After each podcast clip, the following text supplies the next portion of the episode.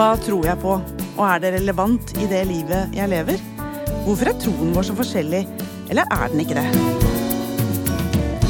Sammen med hovedpastor Jarle Valdemar og en ny gjest skal vi samtale om temaer som preger både troen vår og livet vi lever. Velkommen til podkasten fra Filadelfia-kirken Drammen. Du hører på Troen og livet, og jeg heter Gunhilde Brun Pedersen.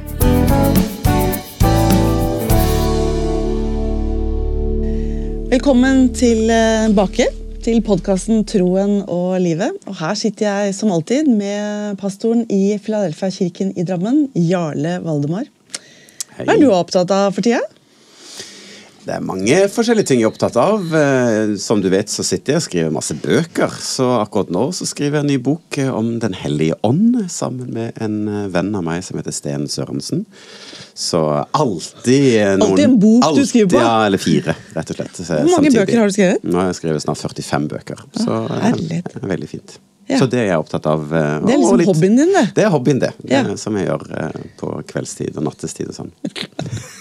Ok, Men du, vi skal ikke minst ønske velkommen til Siri Novak Øen. Velkommen til podkasten vår. Tusen takk.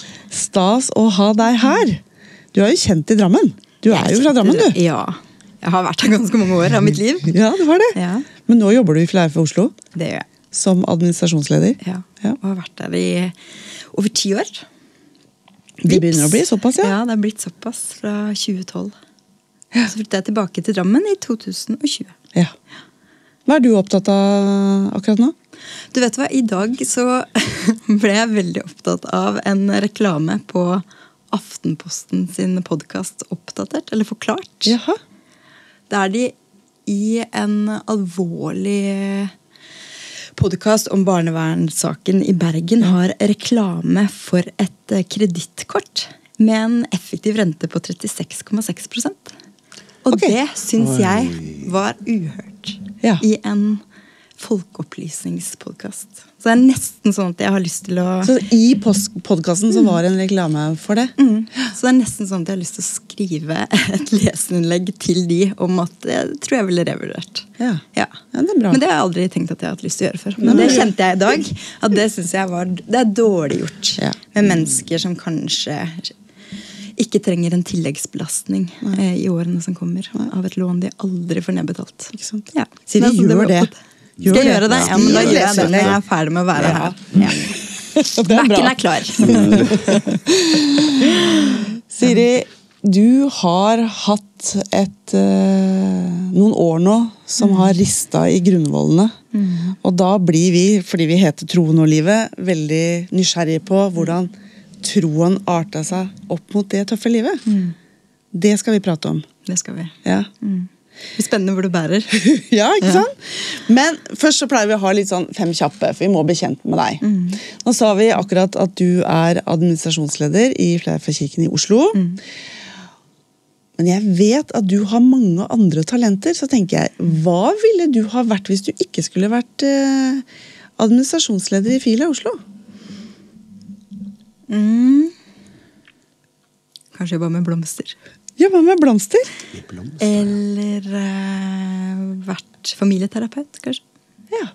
ja Det kjenner du igjen, Jarle. Du, jeg er utdanna familieterapeut. Ja, du er det. Ja, jeg synes det er veldig fint. Eh, Jeg ville jo tippet at Siri kunne ha valgt noe som eh, teaterregissør eller skribent eller noe sånt. For altså, det jeg setter pris på ved Siri, er den levende måten hun klarer å fortelle en historie på. Jeg tenker at der har du noe gull som du må ta vare på. Og da leder det over til neste spørsmål. For ville du ha skrevet en sang eller fremført den? Skrevet den. Jeg var veldig fremodig da jeg var tenåring, men herlighet, jeg hadde ikke selvinnsikt. Så jeg ville nok ha skrevet den. Skitur eller kafétur i Oslo? Kan man velge føre? Ja. Nei, det må vel bli kafétur. Altså. Jeg er dårlig på å smøre ski, men glad i å gå på ski. Ja. Og så har jeg sett litt på Facebook-sida di, og da lurer jeg litt på Er det jentetur eller familietur på hytta du ville hatt? Familietur. Ah, ja. Synge i kor eller danse? Synge i kor. Ok. Ikke noe glad i danse? Nei. Nei. Nei, det er greit. Jeg syns Nei, jeg, jeg er ikke fri nok, tror jeg. Kanskje jeg har et skikkelig skjult talent. Ja, hvem vet. Men uh, det er ikke rytme som er min sterke side. Altså. Nei, også er jo altså, Dans i kristen sammenheng har jo tidligere vært et sånn eh, dilemma, liksom, og, og mange som ikke har fått lov til å danse osv. Så, videre. så det henger kanskje litt igjen òg. Eh, jeg er heller ikke noe glad i å danse. Eh, så Nei, det der, dette må vi ta opp en annen Ja, gang, gang, eh, ja. Jarle. Dans. Dans i kirken. Siri, mm. hva skjedde en eh, septemberdag i 2021? I eh, en septemberdag i 2021 så um, Jeg må starte litt før, der hvor jeg tenker at du vil at jeg skal begynne. Ja. Um, en lørdag morgen Ja. så er det en helt vanlig dag i vårt liv. Ja. Der jeg skal skifte bleie på sønnen min som er 20 måneder. Ja. Og så ser vi at der er det lever av blod i bleia. Og tenker at det skal det vel ikke være. Og ringer eh, legevakta, som ber oss komme. Han har også feber, for han har en luftveisinfeksjon. De gjør undersøkelser og bestemmer seg for å sende han videre til Drammen sykehus. Det her er lørdag 25. september, når hele verden liksom åpnes opp igjen etter korona. Jeg skulle på, på Mamma Mia-musikal med mammaen min og søsteren min. Ja. Og så sitter vi på et venterom lenge på Drammen fra klokka fire til klokka ni. De tar blodprøver, urinprøver, alt mulig forskjellig. Eh, alt ser fint ut. Og så blir vi sendt hjem igjen. Han, får en, eh, han er veldig aktiv, han gutten min, så han spant rundt. Eh, fikk en Paracet og holdt det gående. Og så eh, får vi beskjed om at vi skal ta en ultralyd tidlig neste uke. Og så kommer vi hjem dagen etterpå. Ny bleie. Som er den rareste bæsjebleia jeg har sett i mitt liv. Eh, som er helt Skal ikke gå i detalj, men som er liksom helt type porøs. Altså sånn Den var bare akkurat som den ikke hadde gått på en måte gjennom systemet riktig. Og da blir jeg alvorlig og tenker at han er ikke frisk. Nei.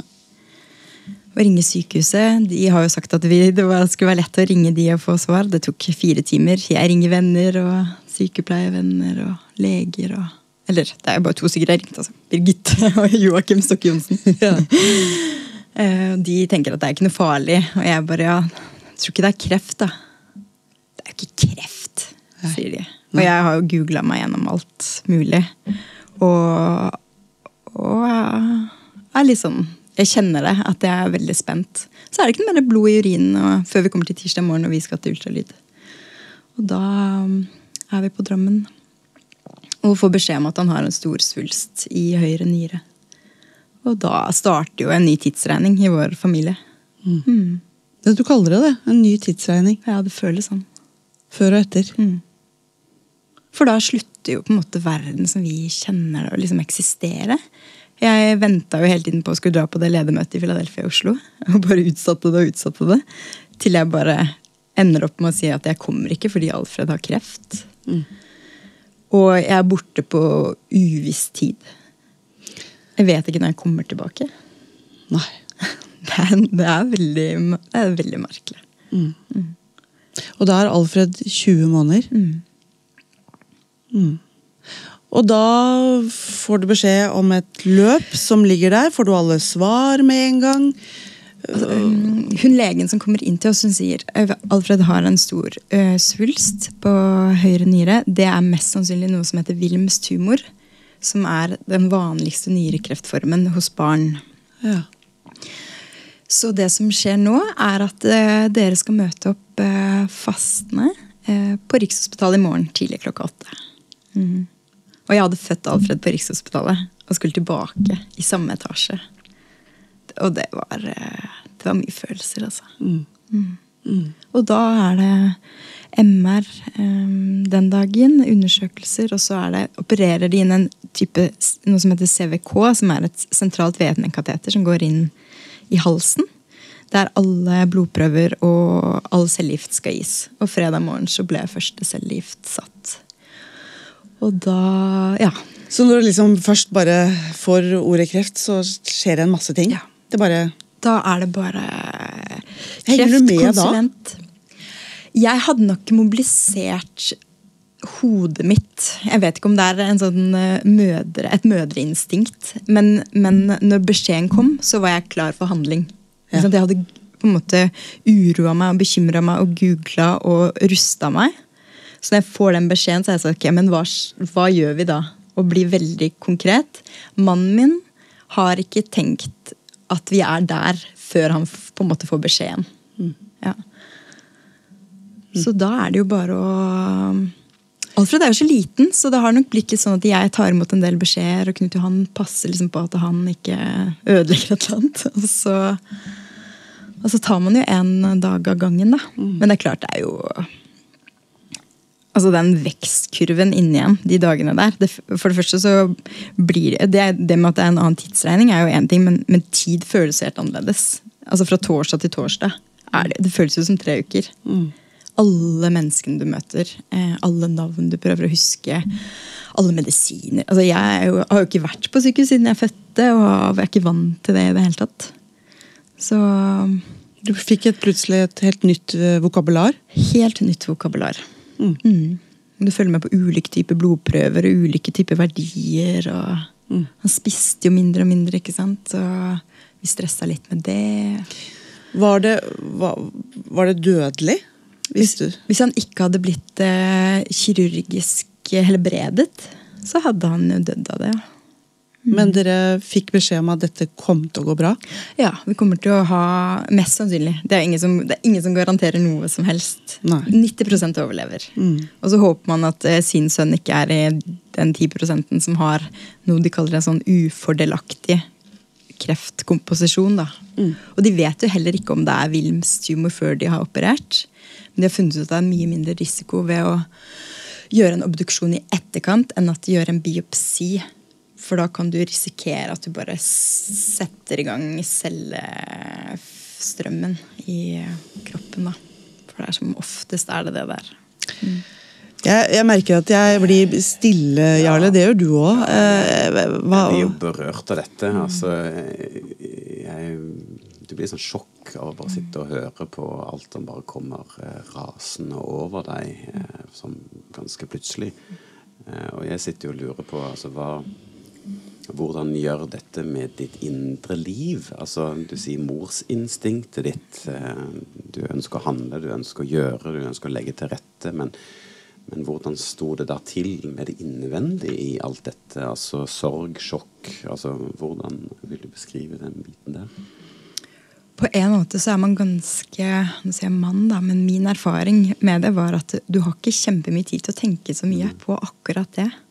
Fordi da blir det praktisk. Du setter på alarm på natta for å passe på at han får spist nok før han skal faste hele morgenen. Man blir litt sånn um, Er det Kanskje mest beskyttende. da, Det er liksom den siden av deg som vekkes. At eh, jeg vil at han skal ha det mest mulig bra. Og at jeg følger med i timen på beskjeder og sånn. Men, men det er klart, det er jo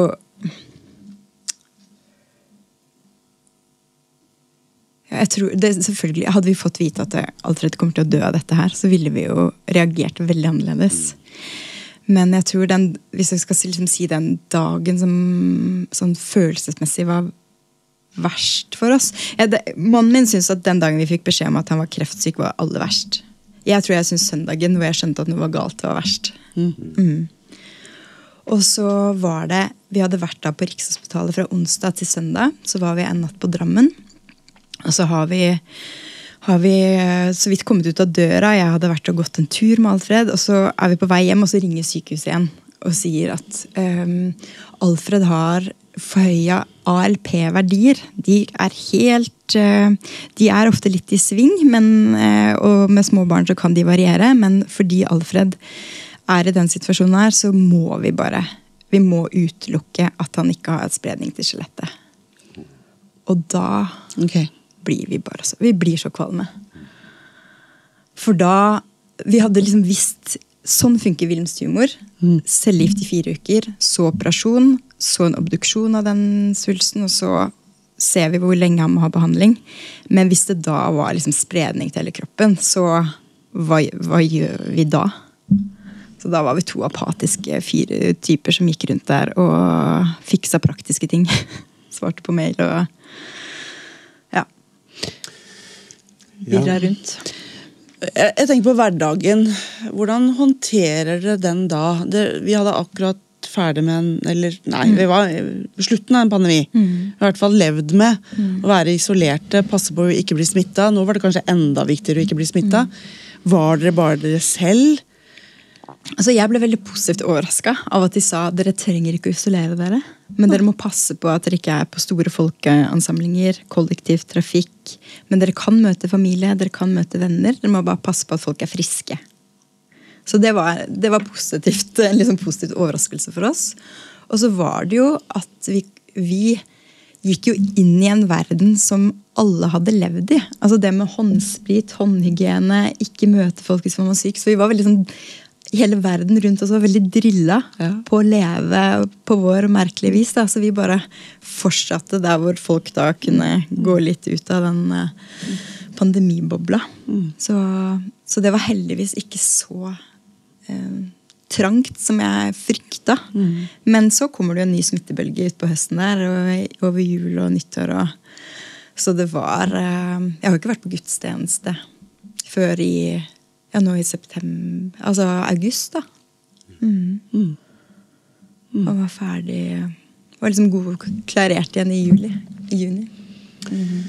Men kan du si noe om hvordan dere to, altså du og mannen din Knut Johan, hvordan dere på ulik måte møtte dette, da? Altså eh, du som mamma, han som pappa. altså Var det forskjellige måter å møte det på, eller sørge over, eller på en måte sjokk? Altså hva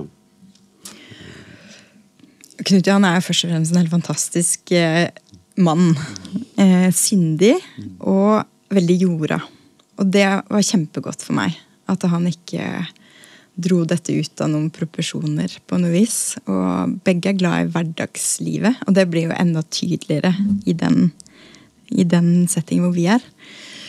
Eh, Vi har snakka masse sammen hele veien, og at det har vært liksom rom for å ha ulike følelser knytta til det. Jeg lever nok jevnt over litt i forkant på følelsene.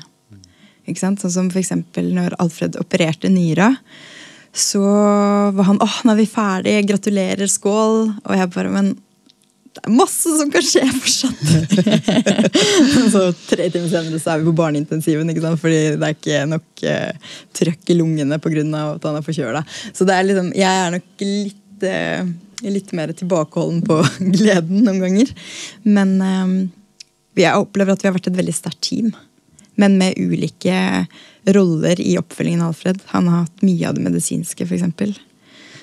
Da jeg ikke har hjerne til det. Jeg hadde jo glemt hvilken dag han fikk hva. Og om det var i går eller i dag. Eller, ja. Jeg har holdt eh, øye med avtalene. Det praktiske. Men det er jo mange som sier at sånne store påkjenninger er enormt utfordrende for ekteskapet. Fikk dere to noe plass, liksom, i dette her? Eller var det ikke viktig, kanskje? Jeg syns jo at vi fikk plass, men vi har jo fått bryna oss som ektepar i de årene vi har vært gift. Vi har fire års bryllupsdag nå denne uka her. Oi, oi. Og har jo på en måte vært igjennom en total oppussingsprosess på leilighet i, Dram i Oslo. Så en graviditet med Alfred. Um, Knut Johan slo hodet sitt to, to måneder etter Alfred ble født. Med kraniebrudd, indre blødninger, mista lappen i seks måneder, ute av arbeidslivet.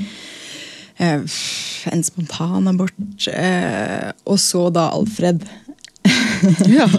Så vi har eh, jo blitt enormt eksponert for hverandre. Ja. Og det har ikke vært noen steder å gjemme seg. Og det har eh, heller ikke vært eh, noe fordelaktig å ikke snakke om hvordan man har det. Fordi at det, det lekker. Ikke sant? Det lærte vi veldig tidlig. At det, det er like greit å bare si det som mm. det er. Men uh, jeg syns han har vært um, De tingene som har vært vanskelige det året her, det visste jeg kom til å være vanskelig. Hvis du skjønner, For jeg er jo en mer ekstrovert, eh, impulsglad person. Han er veldig tilfreds i sitt eget selskap. Med sin egen bok eller egne tanker. Og, og er ikke så rastløs Så jeg visste at jeg kom til å bli mer eh, frustrert enn han. Ja. ja det visste jeg. Og det er helt sånn ble det. Ja, sånn ble det. Ja, sånn ble det. Vi kan jo nesten gå til slutten og si at Alfred er nå friskmeldt. Og er begynt i barnehage igjen. Ja. Og ting er bra. Ja, Han er det. ja. Det er fantastisk. Ja. Eh, men da lurer jeg på hva, nå, hva sitter du igjen med erfaring gjennom dette året som har vært så tøft? Og smakt på både død og en enorm sykdom. Det er så enormt mange erfaringer. Ja. Bare sånn som Jeg har liksom prøvd å finne et ord som klarer å fange dette her. Og det er bare erfaringsrikt. Fordi jeg har blitt enormt godt kjent med meg selv. Med partneren min, med sønnen min, med norsk helsevesen. Med andres lidelse og smerte og usikkerhet. Jeg føl, altså når jeg hører om folk som har mista barn eller eh, eller mista ektefeller, så, så er det ikke Det føles ikke så veldig langt fra meg selv. Det er veldig, veldig lett å relatere seg til. Ja. Så når det f.eks. kom en krig i eh, Ukraina i februar, så, så slo det veldig inn i mitt system. Ja. At folk må miste sønnene sine uten grunn. Sant? Her er det folk som kjemper for at de skal overleve, og så er det noen som må ofre de for en sak vi ikke skjønner. Ja, Det synes jeg var, det måtte jeg liksom skåne meg litt for i perioder der. Ja. Så ja, hvilke erfaringer? Nærmere andre mennesker. Altså Bare litt nærmere alt. Ja. For du snakka noe om at uh, du hadde møtt noen mennesker på sykehuset eh, som hadde gjort sterkt inntrykk. Ja, det var jo eksempel sånn den sånn tirsdag ettermiddag du får vite at Alfred er syk. Vi skal på Rikshospitalet. Eh, tilbake der hvor livet hans starta, kommer opp i denne barnekreftavdelingen som man vet fins, men som er sånn åh, Du gruer deg, ikke sant? Jeg husker jeg sa til Knut du må huske det, at det, her er det barn som har mista håret sitt. Han bare ja, det er jo sant. Det er folk som har mista håret sitt. Og man vet ikke helt hva den verden innebærer. da. Og så kommer vi inn i gangen og skal registrere oss. Jeg vet ikke hva vi, vi er jo bare blitt sendt dit, så vi bare står i gangen. Og så er det en annen mamma som er ute og går med datteren sin som er noen måneder yngre enn Alfred, som ikke har hår, og som har sonde. og og så kommer vi liksom i snakk, og så er jo jeg veldig føls... Jeg er jo veldig følsom. Eh, og jeg, jeg klarer aldri å snakke om henne uten å bli veldig rørt. Ja. Um, for jeg sier jo ja, vi er Alfred har fått, fikk vite i går at Alfred har kreft. Og blir sånn som jeg blir nå. Og så sier hun men du trenger ikke å måtte forklare meg hvordan det er. For jeg har vært, jeg, har, jeg vet hvordan det er. Jeg har, jeg har også vært liksom her for første gang. Kasta inn i en fremmed verden. Og um, og det liksom det medmennesket. da. Jeg husker Vi satt jo inne på et altfor lite rom. Så på isolat, fordi Alfred hadde jo øh, luftveisinfeksjon. Og så banker mannen på og spør om vi har lyst på pizza. For han skulle ut og kjøpe pizza. Ja. Kommer der med en pizza til oss. Aldri møtt oss før. Nei. Og jeg kan ikke, vet ikke hvor de bor. Jeg vet ikke hvilket rom de er på. Vi er på isolat, vi får ikke lov til å gå ut annet enn vi skal tisse. Du skriver et brev og gir det til en sykepleier og ber de gi det videre for å si takk. Og liksom ga de telefonnummeret mitt. Og, og det er sånn som jeg sa også, at det er, det er noen mennesker som bare har skrevet seg inn i historien din. Som aldri kommer ut derfra. Ikke sant? Og du følger historien til Filippa. Hvordan går det med henne? Og de spør hvordan det går med Alfred. og og så har vi to barn nå som er begge er friske, da. De har, var der i jula, var eh, har hatt, De har to jenter og skulle holde de i hver sin etasje for å ikke smitte. Kan du tenke deg?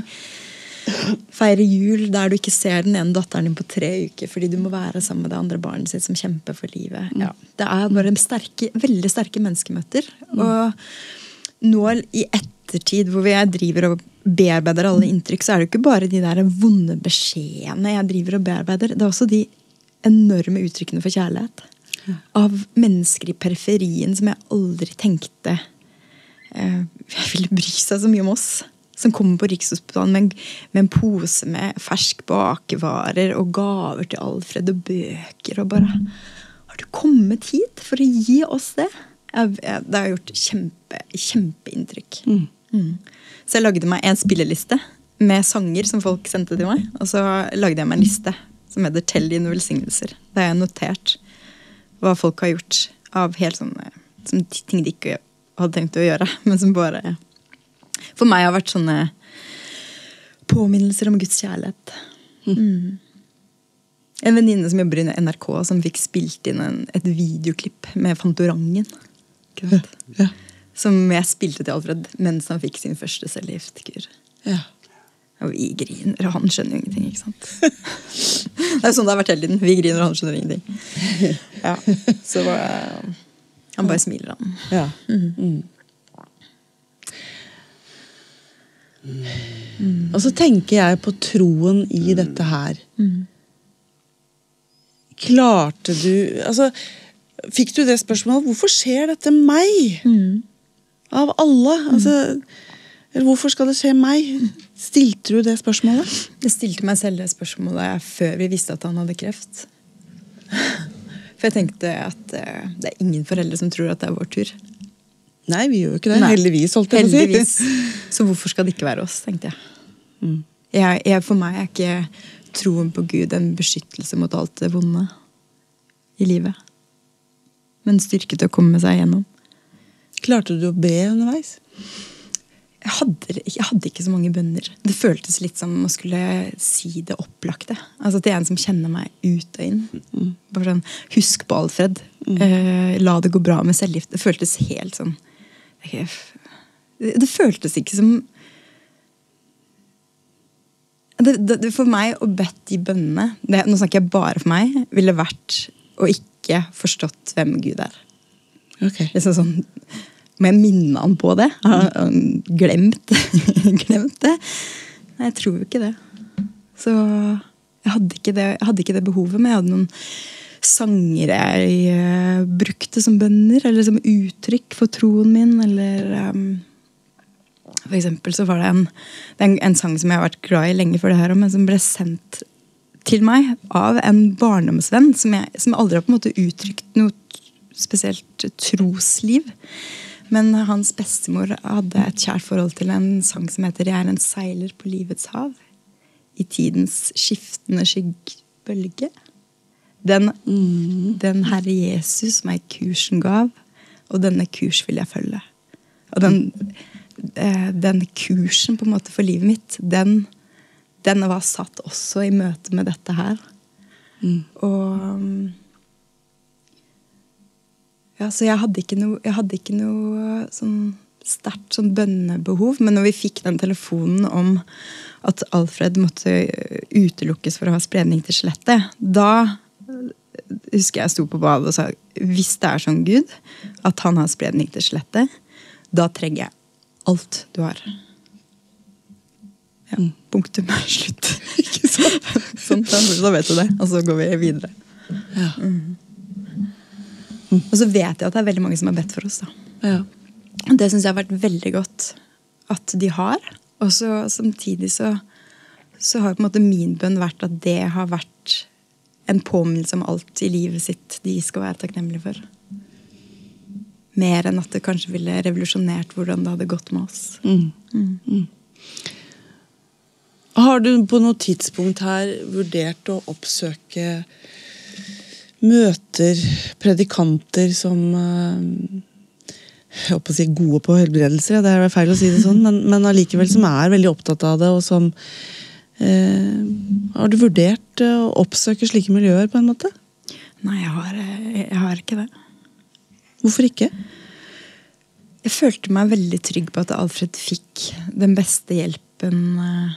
Han hadde et medisinsk eh, problem som kan løses ved hjelp av eh, smarte hoder. Da kjente jeg at det var, eh, det var godt nok for meg. Det har også vært veldig, sånn, veldig sterkt i hele den prosessen. Fordi Alfred har en nyre som må opereres ut fordi den er helt full av kreft. Jeg har ikke sjans. Altså, jeg er helt hjelpeløs som mamma. Og så er det mennesker som har tatt opp studielån.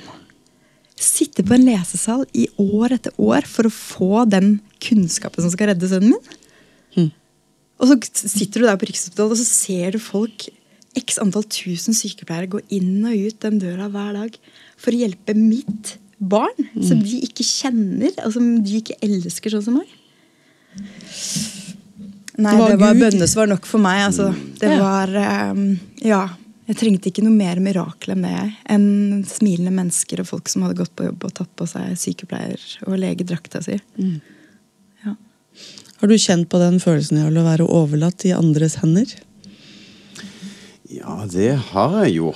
Men eh, det blir jo fattig i forhold til det Siri eh, forteller. Eh, altså, jeg blir jo bare stille av å sitte og lytte til det, du, det du kommer med. Og tenker jo òg dette med det perspektivet på troen som du eh, fortalte om, syns jeg er utrolig vakkert å høre. At eh, ja, men livskursen din er satt, og det er den jeg velger å følge. For, for i et sånt landskap så er det jo mange som får utfordringer med troen. Eh, og altså det ondes problem. Altså, hvorfor finnes det så mye ondskap når Gud er god? Og klart Disse tankene har jo eksistert i hundrevis av tusenvis av år, egentlig. Ja, men når Gud er kjærlig, hvorfor skjer dette meg? Og det å ja, jeg tror jo òg at mennesker i en lignende situasjon kan velge å snu ryggen til Gud fordi at man opplever at Gud ikke er til stede. Eh, Og Derfor syns jeg det er veldig fint å høre deg, Siri. At du har et litt annet perspektiv eh, i forhold til møtet med alle de erfaringene du har fått. da. Eh, Så Jeg tenker jo at et, et tr- trosliv uten motgang og smerte og død og sorg eh, Good luck, sier jeg bare. Da blir du veldig skuffa veldig fort. Så jeg tror at eh, altså fordi vi kommer til, Alle kommer til å møte det. Og det er jo det som, det er jo det som kanskje er den største rikdommen, da, apropos erfaringer. At det, det, er jo, det er jo større for meg å vite at jeg har styrke til å komme meg gjennom, enn at jeg har blitt spart for det. fint sagt. Men jeg fikk spørsmålet av en mamma som hun er, jobber i, eller er frivillig i Barnekreftforeningen her i Buskerud. Vi hadde sittet og snakka lenge, og hun mista datteren sin etter tre og et halvt år med beinhard eh, behandling. Eh, og så spør hun hva jeg jobber med, og så sier jeg at jeg jobber i kirke. Og så sier hun sånn Hvordan klarer du å forklare troen din og, og at sønnen din, sønnen din fikk kreft? Så ja, men det spørs jo helt hvordan jeg ser på Gud, da. Det er jo ikke noe problem at jeg, og sønnen min får kreft hvis, hvis jeg ikke trodde at jeg skulle gå gjennom livet spart bare fordi jeg tror på Gud. Og hvordan forklarer jeg at barnet hennes døde? Og mitt ikke gjorde det? Ja. Ikke sant? Det blir jo helt Vi har ikke, vi har, vi har ikke sjans vi, til å svare på spørsmål hvis Eller svare på noen av livets gåter, egentlig, hvis det bare handler om å bli spart. Å komme utenom ting, og at Gud er den beskyttelsen som gjør at vi tror at det, det ikke vil ramme oss noe. Mm. For det går an å bli ramma, men allikevel både bli båret og kjenne seg elsket og kjenne seg eh, fordypet som menneske. Og det å se Alfred glad og lykkelig, eller like gal, for du sier han er Like liten. Ja, Duracell-kanin, var det det du kalte den? Ja, ja. Han er en skøyer. Ja. Ja, det er klart, å levere han i barnehagen igjen. Ikke sant? Det er jo en eh, Jeg tror ingen av de ansatte skjønte hvor stort det var for meg. Nei. Nei. Nei. Nei. Ta på sekken og Skulle liksom ha sitt eget liv igjen, da. Ja. Ut, utenfor veggene. Få fryde seg og leke med andre barn. Og det er jo mange ting som blir så innmari naturlig når man er i det. Men som når du får litt avstand, så tenker du det er jo helt absurd at vi holdt han unna andre barn. Eller øh, Eller hadde vi hatt en sondemaskin som eh, han fikk mat igjen med en ma ledning i magen. ikke sant? Men når det er sånn det er, så er det, liksom, er det sånn det er. Det er som vi brukte munnbind i butikken for et år siden. Har dere huska munnbind i dag? Har du tenkt på munnbind i dag? Jeg har jo ikke det. Nei. Og så blir jo en sånn eh, liten eh, omvei i livet òg. At det blir, eh, blir en helt annen virkelighet. Og så plutselig er man tilbake igjen der hvor man slapp. Men å rydde plassen hans i barnehagen var, synes jeg var Når mamma dro og henta tingene hans, så syns jeg det var forferdelig trist. Mm. Men nå er han tilbake igjen og snur seg ikke til meg. Så herlig. Og nå får han leve livet med å leke med andre kamerater. Ja. Mm. Blir slått litt i hodet, han òg. Det er bra. Ja, ikke sant. Ja. Ja, takk for at du kom til oss, eh, Siri. Dette har vært sterkt. Ja, Men jeg, Veldig sterkt å sitte og, og lytte til. Jeg, jeg blir jo beveget av hjertet ditt og eh, det du, det du har stått i, altså. Eh, hvor du nå kan liksom se på hverdagslige hendelser liksom som noe vakkert. Vi som lever i en ordinær hverdag, for å kalle det det, tar det for gitt. Eh, og det å få noen sånne historier eller perspektiver inn i livet gjør, at- gjør at man blir eh, ydmyk eh, og takknemlig. Eh, Og, og tenker at vi må bli eh, bedre på å mm, være til stede for hverandre i livet, tenker jeg. I alle ulike sesonger av livet. da. Eh, For det du sier, at du blir båret både av Gud, men òg av andre menneskers både bønn, men òg omtanke. Altså, ja, det må prege oss. Om vi tror eller ikke, så, så bør det på en måte prege oss. Da. Så, så takk, Siri, for din uh, åpenhet og ærlighet på livet. men, men før vi tar helt farvel, orker dere et sånt spørsmål fra en eh, lytter som har skrevet til oss? Ja. Eh, dere jobber jo begge to i kirke. eh, og har barn. Og de har fått spørsmål fra en eh, småbarnsmamma midt i livet, skriver hun. Og så sier han 'Jeg er for sliten til å gå i kirken'. Hva gjør jeg? Godt spørsmål. Er det sånn at vi må gå i kirke hver eneste søndag, eller? Nei, jeg tenker jo ikke at vi må det, men det er godt for oss. Eh, altså Det er noe med det at vi kan komme sammen til gudstjeneste, og sammen løfte blikket til Gud. eh, Sammen høre Guds ord forkynt. eh, Sammen være med å tenke andre tanker enn det vi står i til hverdags.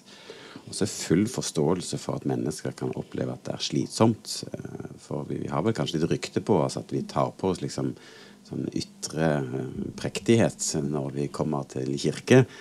Jeg tenker at nei, som sier altså være, være ærlig og åpen på livet. Og så vet jo jeg òg at det kan være når man står midt i noe, så er ikke det første du tenker på kirke. Men jeg skulle kanskje ønske at vi kunne ha kommet der at eh, når livet er eller butter imot, da, at man likevel kan komme til kirke. Sette seg på galleriet opp og liksom bare være til stede likevel, da. Mm. så eh, Og så vet ikke jeg mer om denne familien her, men, men selv om ikke gudstjeneste Man, man kan ha likevel gudstjeneste hjemme, en andagsbok, eller man kan lytte til en podkast eller lovsang. Altså andre ting man kan gjøre for å komme i berøring av det hellige, tenker jeg. Du Siri, jeg regner med at ikke du var så mye på gudstjeneste det siste året her. Av flere grunner, men savna du det? Ja. Ja, det gjorde jeg jo. Jeg har jo ikke, jeg har jo ikke sjans til å være i et rom med lovsang eh, uten at det blir strie strømmer. Altså, det er noe med det fellesskapet som er helt, helt spesielt. Um, vi var ikke på gudstjeneste for å ikke bli syke. Det var jo liksom hoved... Jeg turte ikke å være sammen med masse folk, jeg heller, for jeg ville ikke ta det med meg hjem. Og det, er jo, det var jo jeg som skulle ta med på alt han trengte å være frisk på. Men jeg har jo hatt perioder i livet mitt før, da har jeg egentlig vært mer sliten enn det jeg har vært eh, nå. Og da er jo styrken til våre fellesskap at det er eh, så medmenneskelig også det som kanskje blir eh, utfordringen vår. da. At det er litt vanskelig å være anonym. Litt vanskeligere å bare komme og gå. Men jeg støtter eh, det Jarle sier, at kom litt eh, sent og gå litt tidlig. eller bare være en del av det, men eh, også sette noen grenser for seg selv. Ja. Men en podkast på en skogstur eller andre ting kan jo gjøre underverker, det. Da tror jeg vi lar det være siste ord. Og så igjen, tusen takk for at du kom til oss, Siri Novak Øen. Veldig hyggelig.